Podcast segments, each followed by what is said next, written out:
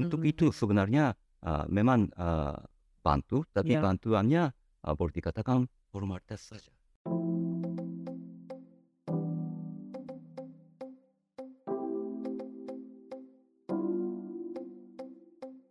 Bertemu kembali di podcast 65 yang dikelola oleh Departemen Ilmu Hubungan Internasional Visipol UGM bersama saya Siti Daulah Khairiati yang akan berbincang-bincang mengenai pertemuan G7 dan politik Jepang kontemporer dengan tamu kita hari ini Profesor Yako Kozano dari Aichi Prefectural University Graduate School of International Studies.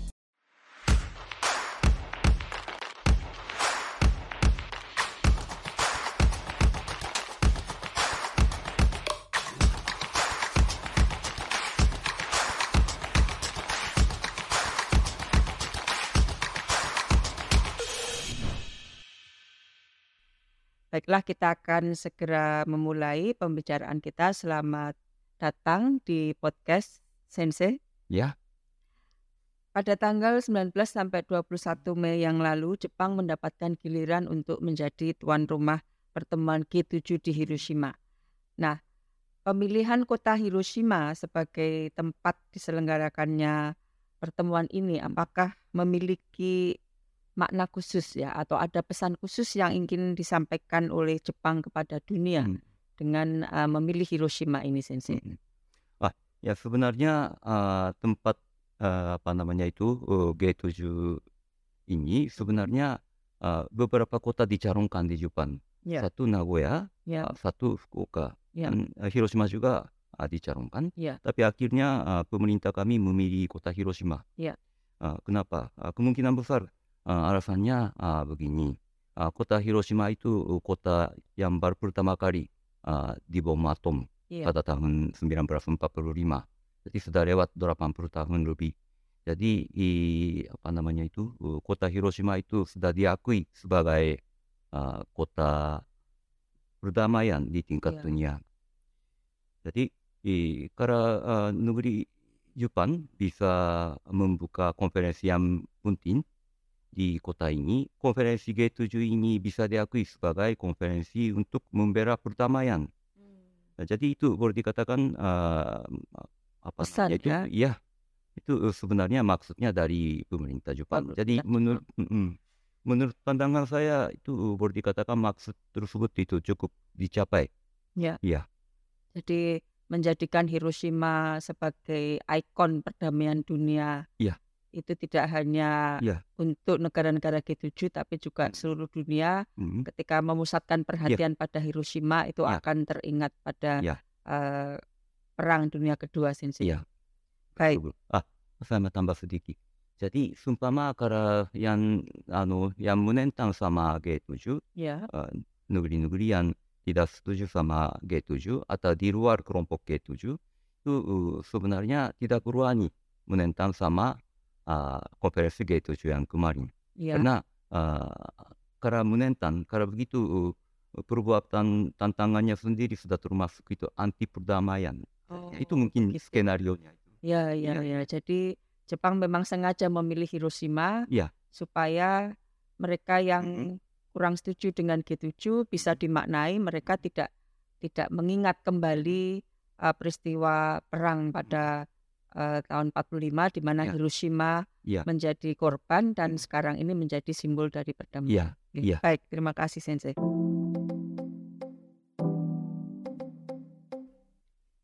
Pertanyaan berikutnya dari beberapa pemberitaan media dinyatakan bahwa negara-negara anggota G7 ini Hmm, sepakat memberikan bantuan hmm, kepada Ukraina hmm. dalam konfliknya dengan Rusia. Hmm. Nah, apakah pemberitaan ini memang demikian kenyataannya? Hmm. Ah. Bagaimana eh, Sensei memaknai hal ini? Uh, sebelumnya saya mau uh, menjelaskan tentang itu undangannya untuk uh, Presiden Ukraina yang bernama uh, Volodymyr Zelensky. Zelensky, ya. Jadi i- sebenarnya karena ini eh, sangat luar biasa. Jadi i- sebenarnya uh, negeri tuan rumah karena kasus ini negeri Jepang sebenarnya bisa mengundang beberapa negara uh, yang non anggota Ya. itu sebenarnya hak Jepang. Ya. Jadi Zelensky. Presiden Zelensky eh, ikut hadir jadinya Ya. konferensinya. Ya. Jadi i- di situ langsung bisa berunding. Apa yang dirundingkan Zelensky Sensei? Ya, uh, sebenarnya uh, tidak diumumkan semua, uh, Mhm. tapi sebenarnya uh, kalau saya menyimpulkan hasil uh, konferensinya itu uh, ada dua hal yang sangat penting. Ya. Jadi i- sebenarnya uh, undangannya sendiri i, punya arti yang luar biasa penting, terutama uh, terhadap sama negeri Rusia Ya. atau yang eh, yang ada di belakang Rusia itu barangkali LTT juga itu jadi message yang luar biasa kuat undangannya sendiri. Ya. Sedangkan kalau eh, memperhatikan itu hasilnya eh, sebenarnya apa yang diminta eh, oleh eh, Presiden Zelensky itu sebenarnya eh, sama sekali tidak dijanjikan. Jadi i- Jadi lihat- bantuan militer yang diminta Iya, oleh Zelensky itu ya, tidak secara real ya, tidak Iya. secara konkret memang Iya. diberikan oleh negara-negara Iya. G7. Ah, jadi i- pendeknya ah, pihak G7 tidak memberikan jawaban yang konkret ah, kepada ah, pihak ah, Presiden Zelensky. Mhm. Ah, terutama sebenarnya kalau pihak Zelensky ah, minta pemberian itu pesawat tempur F-16 yang punya fungsi yang ah, membom. Hmm. Eh, ternyata ah, tentang hal seperti itu sama sekali tidak disebutkan oleh pihak itu dari ya, apa namanya itu eh, Biden juga Ya, tidak juga. Ya, itu sama sekali tidak menyebutkan apa-apa. Ya. ya itu mungkin ciri khasnya itu. Dua hal.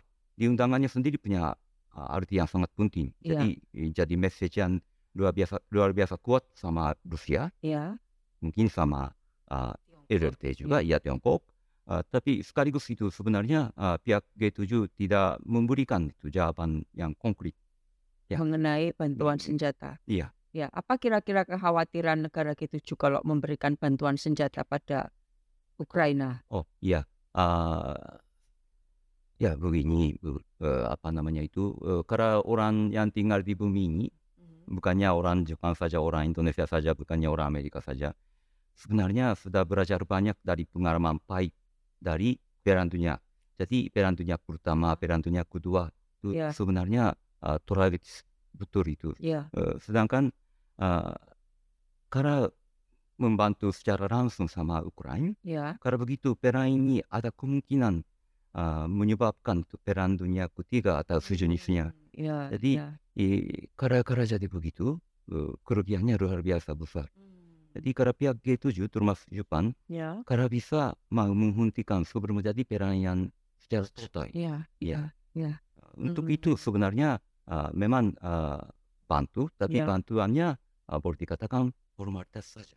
Oh, Ya, begitu sekarang ya. jadi memang kalau pihak eh, Rusia itu sudah cukup memperhatikan atau sudah cukup terasa itu apa namanya itu Hmm, message-nya dari pihak G7. G7 termasuk Jepang, Amerika dan lain-lain. Ya, hmm, begitu ya. Jadi untuk bantuan konkret militer itu uh, belum ya, artinya tidak kemungkinan juga tidak Ya. diberikan karena kekhawatiran akan uh, muncul sebagai perang dunia ketiga yang membahayakan tidak hanya U- Ukraina dan Mhm. Rusia tetapi juga seluruh dunia. Ya. Akan tetapi bahwa diundangnya Presiden Zelensky ke Mhm. konferensi ini menunjukkan bahwa negara-negara G7 itu memberikan support baik secara moral maupun secara politik Ya. supaya Rusia dan juga Tiongkok Ya. itu bisa mulai memperhatikan Ya. uh, sikap mereka terhadap Ukraina.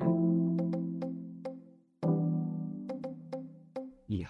Baik, Sensei. Ya. Kita akan lanjut ke pertanyaan Mhm. berikutnya. Mhm, Ini juga masih terkait dengan pemberitaan uh, media. mhm, Di samping memberikan bantuan kepada Ukraina, mhm, negara G7 juga sepakat untuk memberikan sanksi mhm. kepada Rusia. Hmm.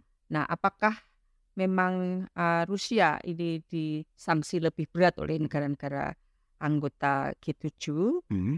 dan bagaimana sikap Jepang mengenai hal ini mengingat Jepang juga masih memiliki persoalan dalam hubungannya dengan Rusia.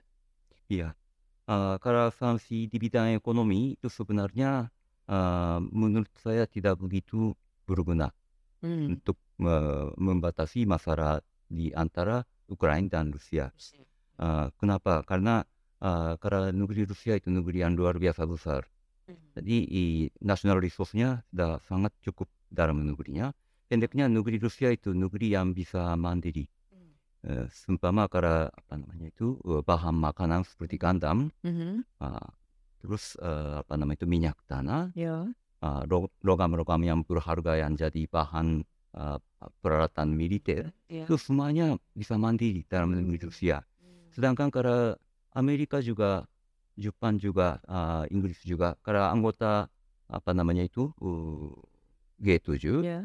eh, karena eh, negeri-negeri kami sendiri sebenarnya ada kemungkinan kena rugi.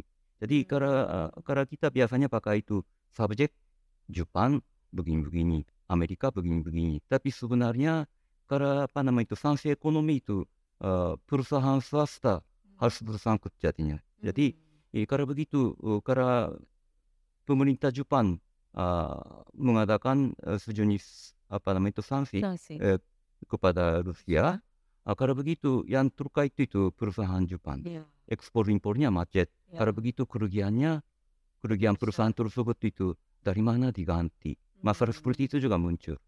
Ya. Ya, makanya karena mm, sanksi kepada ke Rusia itu sebenarnya ah, terbatas ah, paling itu eh, formalitasnya saja. Itu eh, pendapat saya. Ya, ya. Jadi ini juga agak sulit ya memberikan sanksi Ya, kepada Rusia karena ternyata Rusia ini negara besar yang Ya. memiliki banyak sekali resources, bisa mandiri, Mhm. memenuhi kebutuhan pangan, kebutuhan energi, dan justru kalau negara-negara seperti Jepang, kemudian eh, Inggris, ya Amerika memberikan sanksi kepada Rusia, yang terkena adalah perusahaan-perusahaan Ya. mereka sendiri karena perdagangan mereka bisa terganggu, Iya. investasi bisa terganggu, sehingga agak sulit ya memberikan sanksi kepada eh, Rusia. Ya, Bu.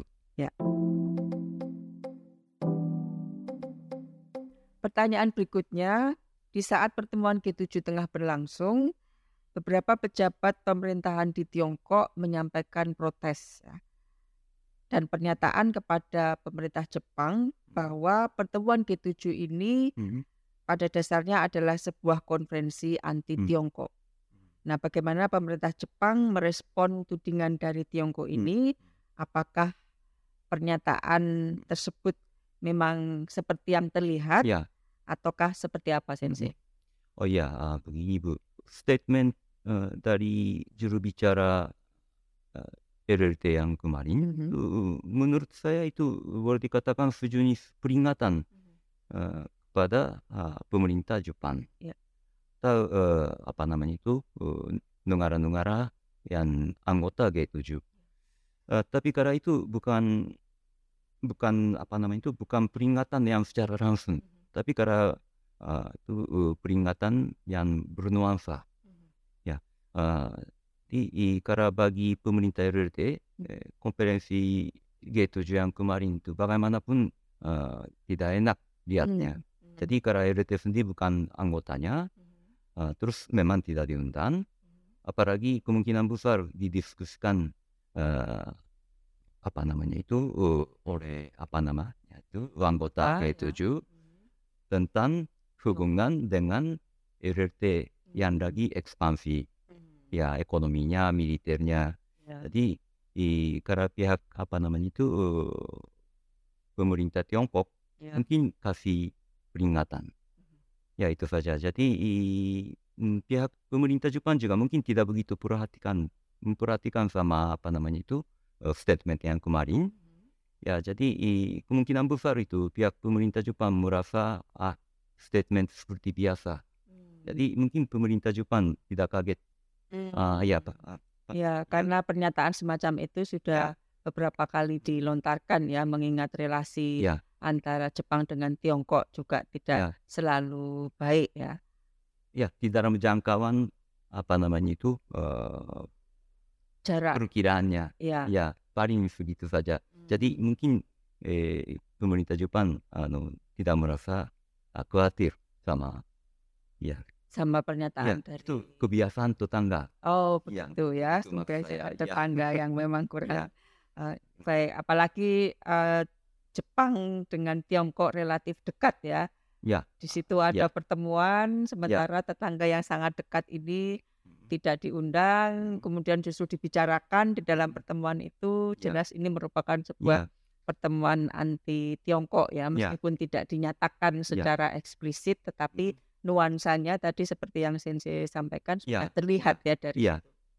Tidak bisa diam, hanya itu saja. Ya, tidak bisa diam saja ya, setidaknya Ya. ada statement itu menunjukkan bahwa Ya. ada peringatan nih Ya. dari Tiongkok terhadap itu.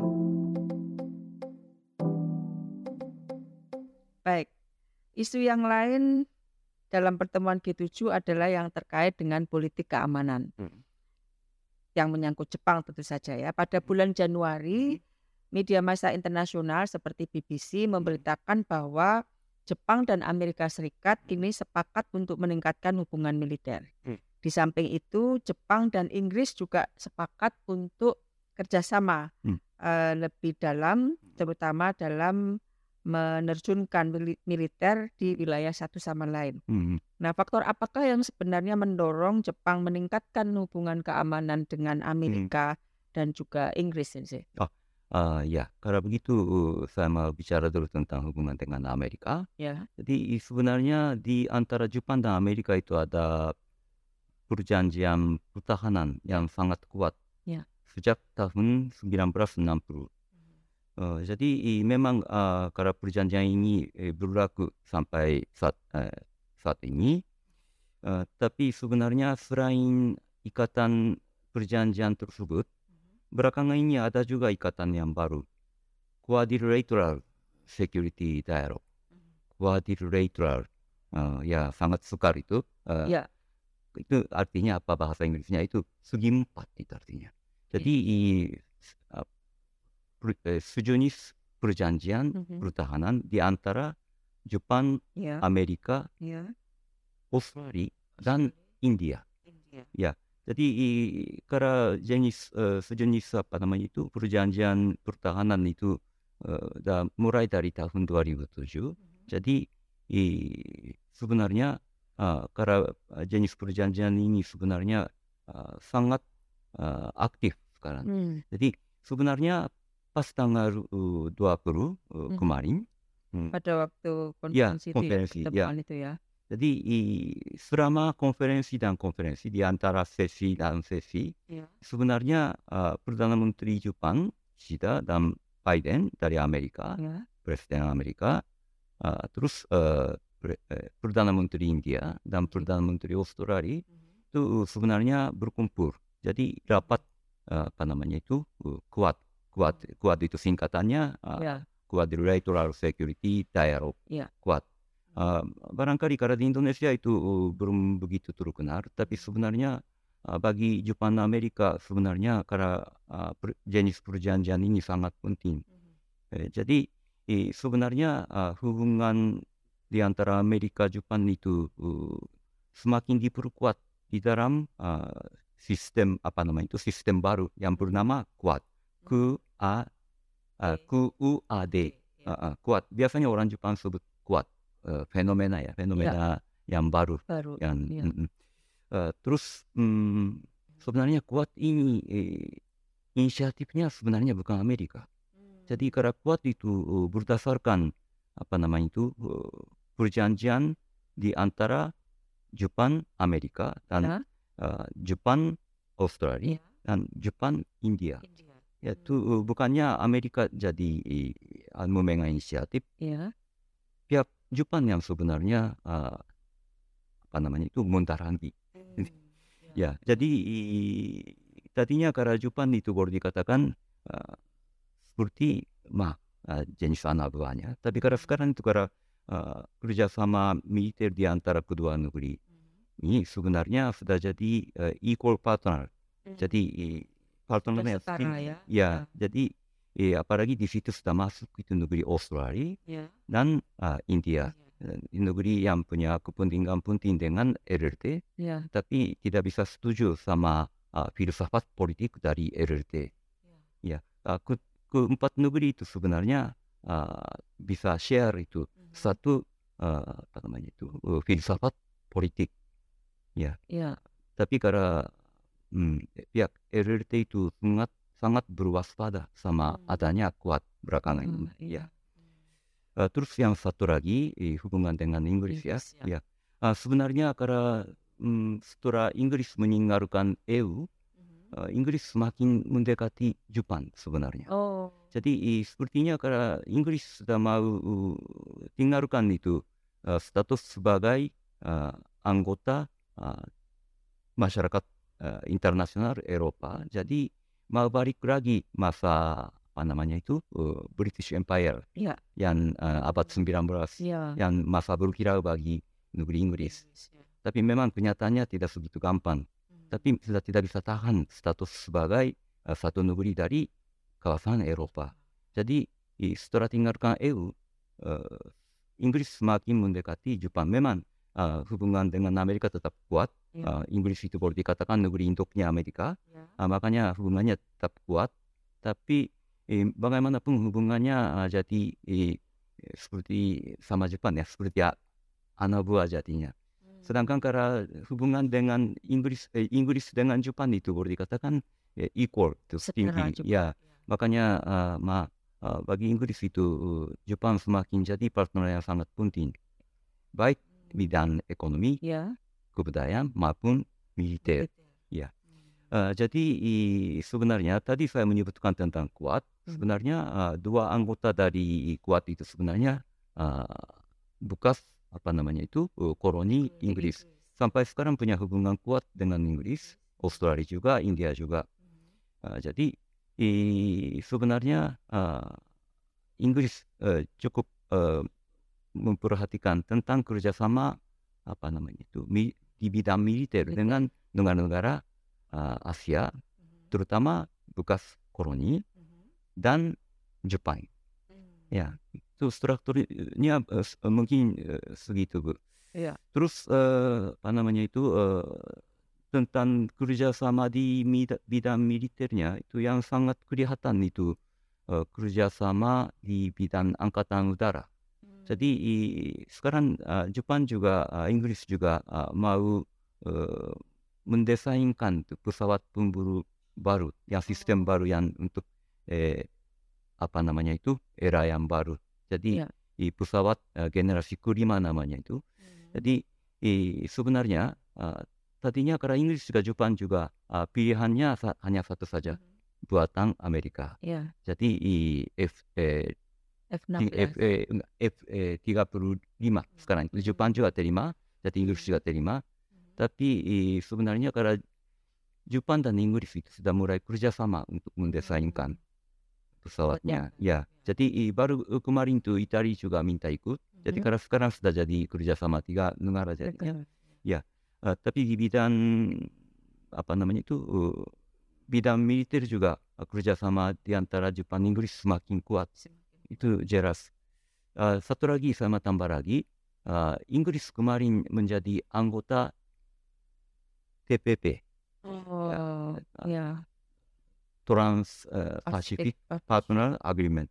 Jadi i- itu sebenarnya karena negeri Inggris itu bukannya Trans Pacific, jauh sekali. Ya. Tapi uh, ya apa namanya itu TPP yang uh, Jepang bukannya ketua, tapi memang karena uh, di dalam anu, anggotanya itu negeri yang sekarang paling besar, Mhm. Uh, tadinya uh, mendar- uh, darahnya Amerika semua, tapi karena. Amerika sudah mengundurkan diri karena uh, mantan Presiden Trump, Ya. makanya sekarang um, Jepang seperti jadi ketua keras jadinya. Ya. Jadi eh, Jepang dan uh, Selandia Baru dan lain-lain karena uh, anggota TPP dengan senang hati menerima Inggris sebagai anggota baru. Karena memang karena TPP itu eh, hubungan apa namanya itu perjanjian di bidang ekonomi saja. Ah, tapi karena eh, kerjasama seperti ini, menurut pandangan saya ah, akan ah, akan diluaskan itu sampai bidang politik, diplomasi atau apa namanya itu akhirnya apa militer juga. Ya begitu. Ya, baik, saya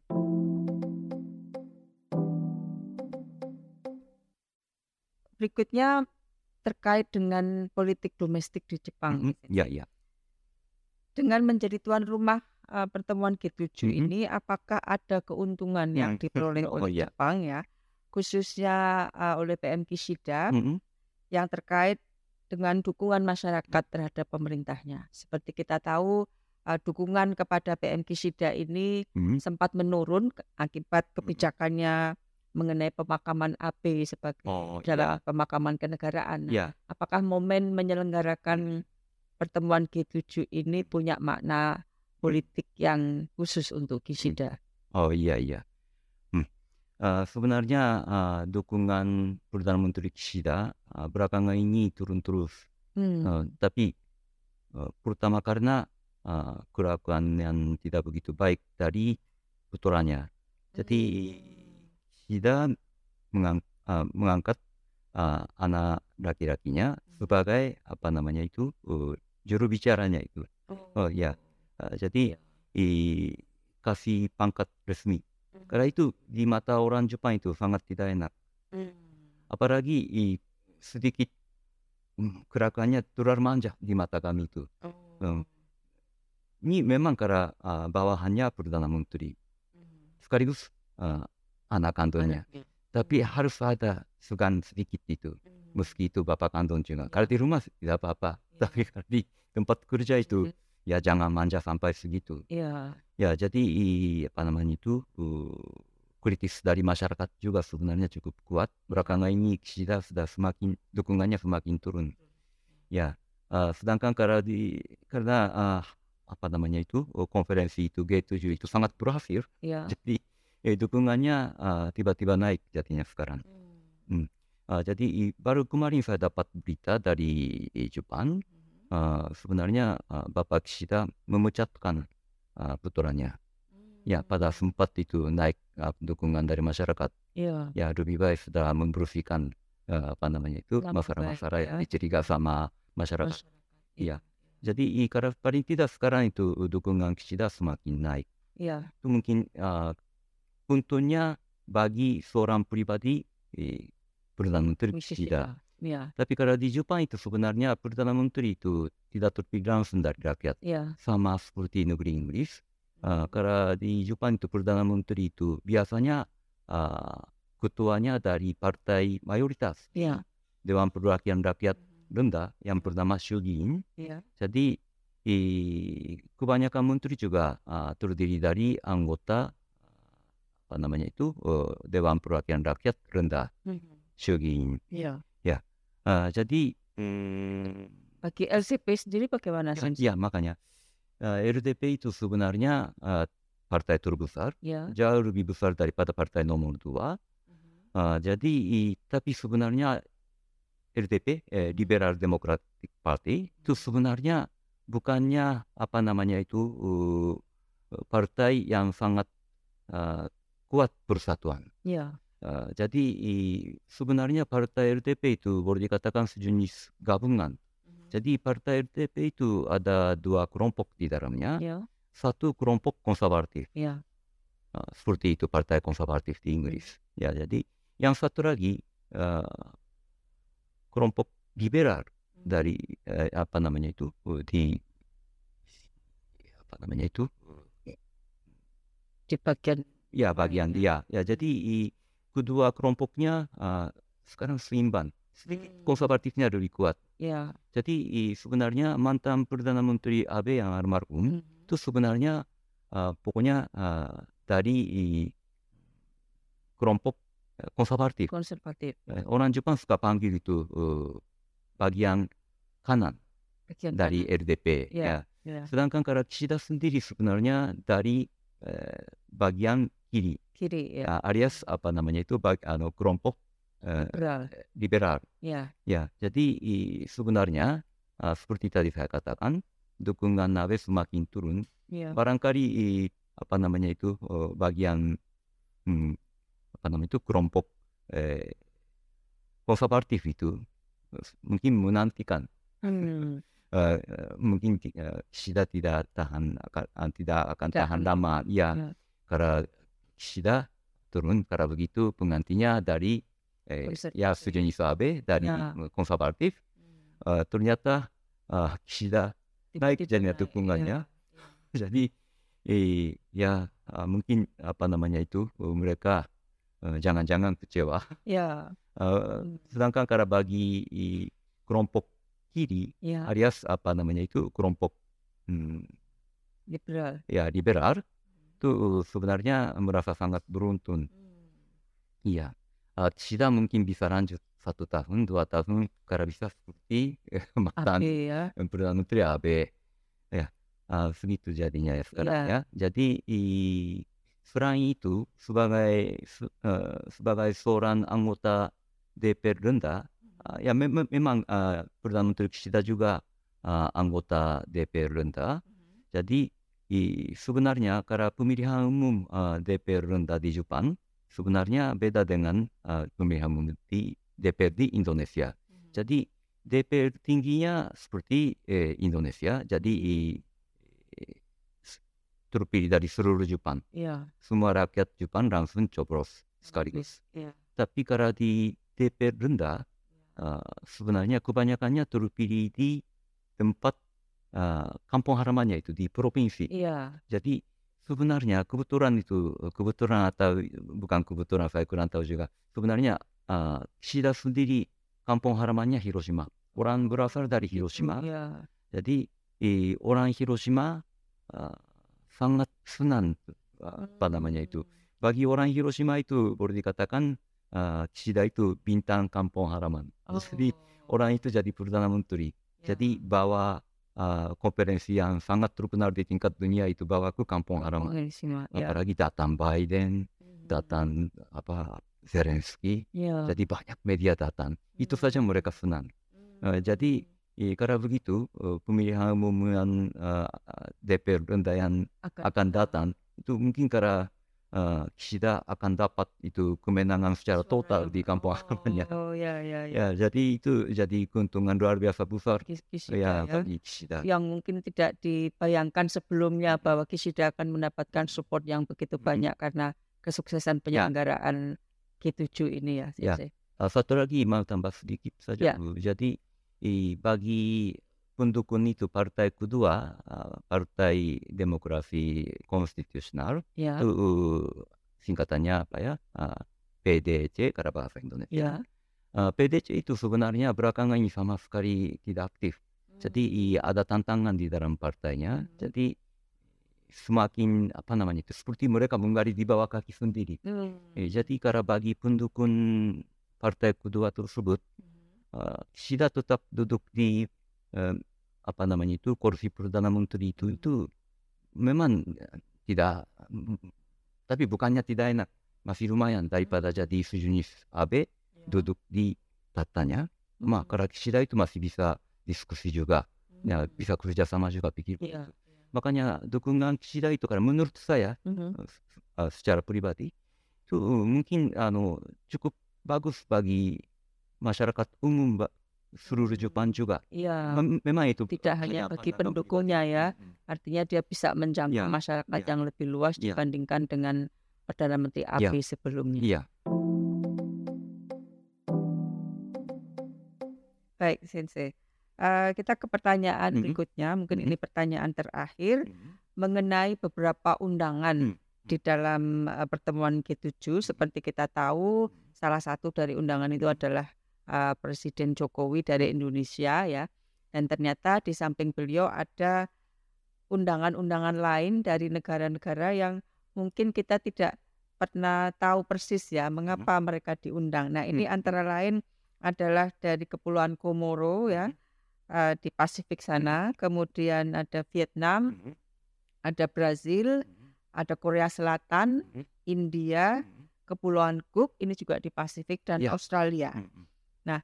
Apa pertimbangannya mengapa negara-negara Hmm. ini diundang secara khusus untuk juga ikut hadir di dalam konferensi G7? Mungkin Sensei Ya. bisa memberikan pandangannya. Ah, sebelumnya saya mau menerangkan kepada ah, konferensi G7 itu eh, negeri tuan rumah Ya. berhak memilih ah, apa nama itu eh, guest spesial. Jadi i- Tamu istimewa ya. non non anggota Non-anggota. ah, G7 eh, tapi bisa diundang. Jadi Ya. biasanya bisa, ah, sekitar 8 negara bisa diundang. Jadi karena kali ini eh, sebenarnya tambah satu lagi eh, apa namanya itu eh, guest yang luar biasa spesial itu Ya. Zelensky, makanya semuanya sembilan. Presiden Zelensky ya. Jadi sembilan dengan Ukraina ya. Ya, jadi saya mau menerangkan sedikit, eh, termasuk tentang itu negeri Republik Indonesia. Jadi i, tamu yang pertama itu Korea Selatan. Hmm. Jadi belakangan ini sebenarnya hubungan di antara Korea Selatan dan Jepang itu tidak begitu cocok uh, Ya. karena mantan presiden yang anti Jepang. Jepang. Tapi eh, rakyat Korea Selatan itu memilih seorang presiden yang pro Jepang. Waktu kampanye sudah dia sudah menjelaskan, saya sudah mau memperbaiki hubungan dengan negeri Jepang. Karena negeri Jepang boleh dikatakan partner penting Iya. seperti Inggris dan Iya. uh, Prancis Mhm. karena, uh, karena karena kita harus uh, ka- anu, harus itu akrab. Jadi rakyat Korea Selatan uh, memilih eh, pemimpin negara seperti itu. Jadi pada kesempatan ini uh, kedua pemerintah sekarang lagi sungguh-sungguh itu memperbaiki apa namanya itu hubungan yang sekali agak retak. Iya. Ya, jadi iya. dalam suasana seperti itu dalam proses perbaikan hubungan kedua negeri uh, Jepang bagaimanapun mau mengundang uh, negeri tetangga yang sangat penting. Dekat, Ya, ya. jadi itu Korea Selatan. Itu alasannya. Itu alasannya ya, Ya. karena ada upaya Ya. untuk memperbaiki Ya. hubungan. Ya. Jadi Presiden Korea juga dengan senang hati datang. Datang Ya. ya. Jadi i- yang kedua itu Australia. Alasannya ada dua. Uh, satu sebenarnya uh, Australia itu punya hubungan militer yang sangat kuat juga. Seperti tadi saya sudah uh, menerangkan tentang kuat. Kuat ya. Ya, Australia itu sebenarnya anggota kuat. Ya. Itu penting sekali. Uh, satu lagi, karena negeri Australia itu sebenarnya uh, sangat penting bagi lambung orang Jepang. Ya, jadi i- makanan juga banyak impor dari Ya. mereka. Selain itu masih ada energi. Jadi karena sekarang te- anu, semua uh, pabrik nuklir di Jepang itu dihentikan setelah uh, bencana alam yang luar biasa besar itu menimpa di Tohoku yang tahun 2011. Semua pabrik nuklir sudah berhenti sekarang. Jadi dalam kondisi seperti ini, gas LNG-nya luar biasa penting. Jadi uh, impor gas energi dari luar negeri Iya. sebenarnya yang paling banyak itu dari Australia. Jadi Australia eh, tetap anu ekspor uh, Iya. gas LNG ke Jepang. Uh, karena ada itu sebenarnya uh, kami orang Jepang itu dengan senang hati bisa menghidupkan tombol listriknya. Ya itu sangat penting. Iya, Hmm. iya. Uh, jadi i- makanya uh, Jepang harus uh, mengundang Australia. Ya. Nah, jadi i- dengan anu Australia juga merasa mungkin merasa wajar diundang. Iya, iya. Jadi Vietnam, karena Vietnam itu karena ini hmm, karena datang ke Jepang sang, anu, orang paham tuh. Orang Vietnam sekarang di Jepang. Jadi karena uh, orang Jepang itu semakin berkurang generasi mudanya, Iya. jadi i- penduduknya semakin berkurang. Iya, Jadi untuk mengisi kekurangan penduduk tersebut, iya. sebenarnya eh, yang paling banyak masuk itu sebenarnya orang Vietnam, Vietnam bukan anu ilegal, secara apa? secara legal eh, resmi ya, ya, kerja di Jepang. ya, ya. Jadi banyak orang eh, tenaga kerja orang Vietnam itu masuk Jepang, jadi kerjasama dengan itu eh, karyawan Jepang, Iya. jadi bayar pajak sama pemerintah daerah. Ya. Ah, jadi i- sebenarnya negeri Vietnam itu semakin penting bagi Jepang sebagai sumber tenaga kerja. Kerja. Iya, Satu lagi, dalam anggota ASEAN, iya. negeri Vietnam itu paling kuat tantangannya sama Terhadap Tiongkok. ya Tiongkok. Karena ada masalah apa namanya itu perbatasan Perbatasan. negaranya, jadi Ya. masalah wilayah ya. Jadi i- pihak Tiongkok yang langsung menduduki itu kepulauan Iya. yang seharusnya wilayah Vietnam juga ada. Iya. Apalagi ya, pernah mereka berperan itu peran di antara Tiongkok dan Dengan Vietnam juga. Makanya masih ma- generasi tuanya masih ada ingatannya. Iya. Ya, jadi i- Vietnam itu uh, sangat pantas itu diundang. diundang. Ya. Makanya uh, Jepang mengundang Vietnam. Hmm. Terus uh, Brasil. Karena Brasil. Brasil itu uh, tadi saya sudah menyebutkan sedikit tentang itu rambut orang Jepang. Iya. Tapi karena Brasil itu ya sangat penting bagi uh, lambung khusus orang Jepang. Karena tidak ada negeri Brasil, orang Jepang tidak bisa makan daging ayam. Jadi kalau sekarang ya Jepang impor uh, daging ayam dari Brasil. Brasil, ya. Jadi i- sebenarnya 70% daging ayam di Jepang sebenarnya masuk dari Brasil. Gitu, padahal jauh Sensei Brasil Jauh, dari tapi karena itu kontrolnya sangat bagus. Jadi Hmm. i- karena ekspor impor makanan itu sebenarnya selalu ada masalah virus. Ya. Karena mereka uh, kontrolnya sangat, Sangat bagus. bagus. Karena begitu pihak Jepang itu dengan senang hati bisa apa? mengimpor Ya impor terima dari daging dari Brasil. Hmm. Jadi i- bagi Brasil juga Jepang itu ranga- ranganan sangat penting. Penting ya. Ya ada hubungan segitu. Ya. Satu lagi karena di Brasil cukup banyak tuh orang keturunan Keturunan Jepang yang Jepang, ya. transmigrasi yang 100 tahun yang lalu. Iya. Jadi mereka ah, banyak yang berhasil. Karena Hmm. pada saat ini ah, panglima militer Iya. ah, seorang keturunan Jepang. Iya. Jadi di dalam kabinet Brasil juga ada keturunan Jepang. Jepang. Jadi Hmm. i- boleh dikatakan negeri pro Jepang di Hmm. apa namanya itu Am- Amerika. Amerika Selatan, Amerika Iya, Latin. iya. Ya, makanya itu juga pantas diundang. Jadi keempat negara itu sebenarnya alasannya sangat gampang, Iya. sangat dekat Ekonomi Jepang ya. ekonominya. Ekonominya ya. Ya, ah, itu sebenarnya ah, ah, pantas diundang. Ya. Selain itu eh, India, Indonesia, terus eh, Kepulauan Kok Iya. dan eh, Komoro. Komoro. Jadi itu sebenarnya ah, India, saya mau menerangkan India. Ya. India itu sekarang itu ketuanya G20.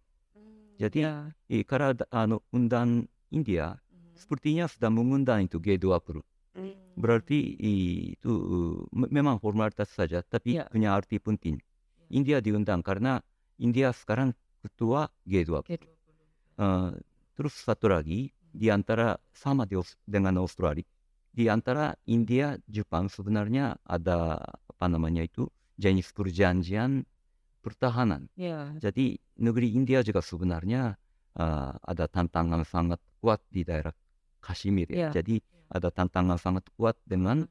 Eh, makanya eh, sebenarnya eh, ini sejenis Vietnam yang seperti tadi Ya. ada masalah wilayah. Ya. Eh, makanya eh, India juga sebenarnya pantas diundang. Ya. Ya. Tapi karena alasan utamanya eh, karena India ketua G20. G20. Terus sekarang Indonesia juga mirip India. Ya. Memang karena Indonesia itu memang punya hubungan eh, baik eh, bidang ekonomi maupun di bidang eh, politik dan lain-lain.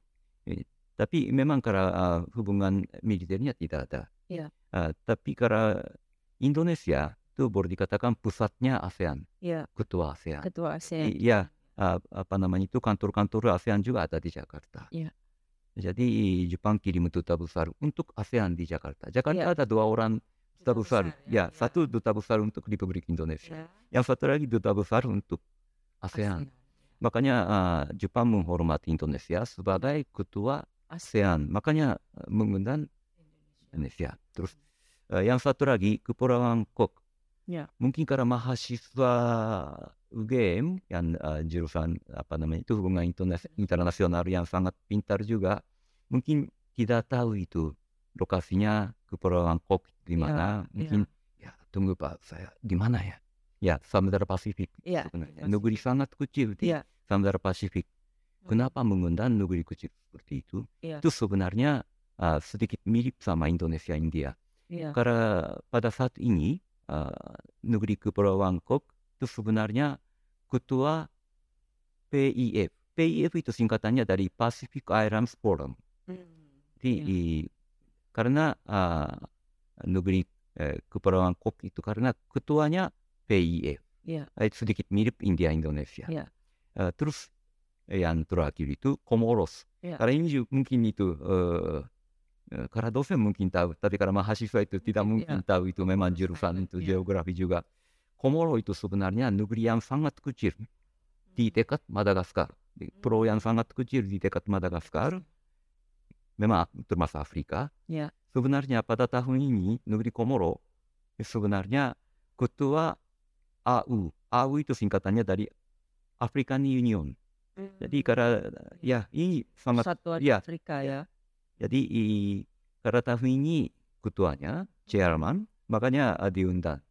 Jadi sebenarnya India, Indonesia, jadi Kepulauan eh, dan eh, Comoros itu sebenarnya eh, punya latar belakang yang sama. Karena mengundang India hampir sama mengundang dapat persetujuan dari G20. Karena mengundang Indonesia, karena begitu uh, sudah hampir sama dapat persetujuan dari semua anggota ASEAN. Jadi i, karena mengundang uh, kepulauan Kop sudah boleh dikatakan sudah dapat persetujuan dari eh, PIF Pacific Islands Forum. Uh, terus karena di Komoros juga sama, uh, karena dapat persetujuan dari Komoros, karena begitu uh, dapat persetujuan dari African Union. Jadi karena negeri RRT itu belakangan ini sungguh-sungguh itu uh, memper, uh, memperkuatkan itu pengaruhnya uh, pada negeri-negeri di Afrika. Uh, tapi karena pihak Jepang, uh, uh, negeri sahabat kami seperti Inggris atau Amerika dan lain-lain itu, uh, ya uh, mau apa nama itu mau kasih peringatan sama uh, pemerintah Tiongkok. Itu juga bisa. Ya. Jadi i, sebenarnya uh, apa nama itu keempat negara tersebut itu sebenarnya uh, punya latar belakang uh, politik, Politik internasional. kuat ya. Ya,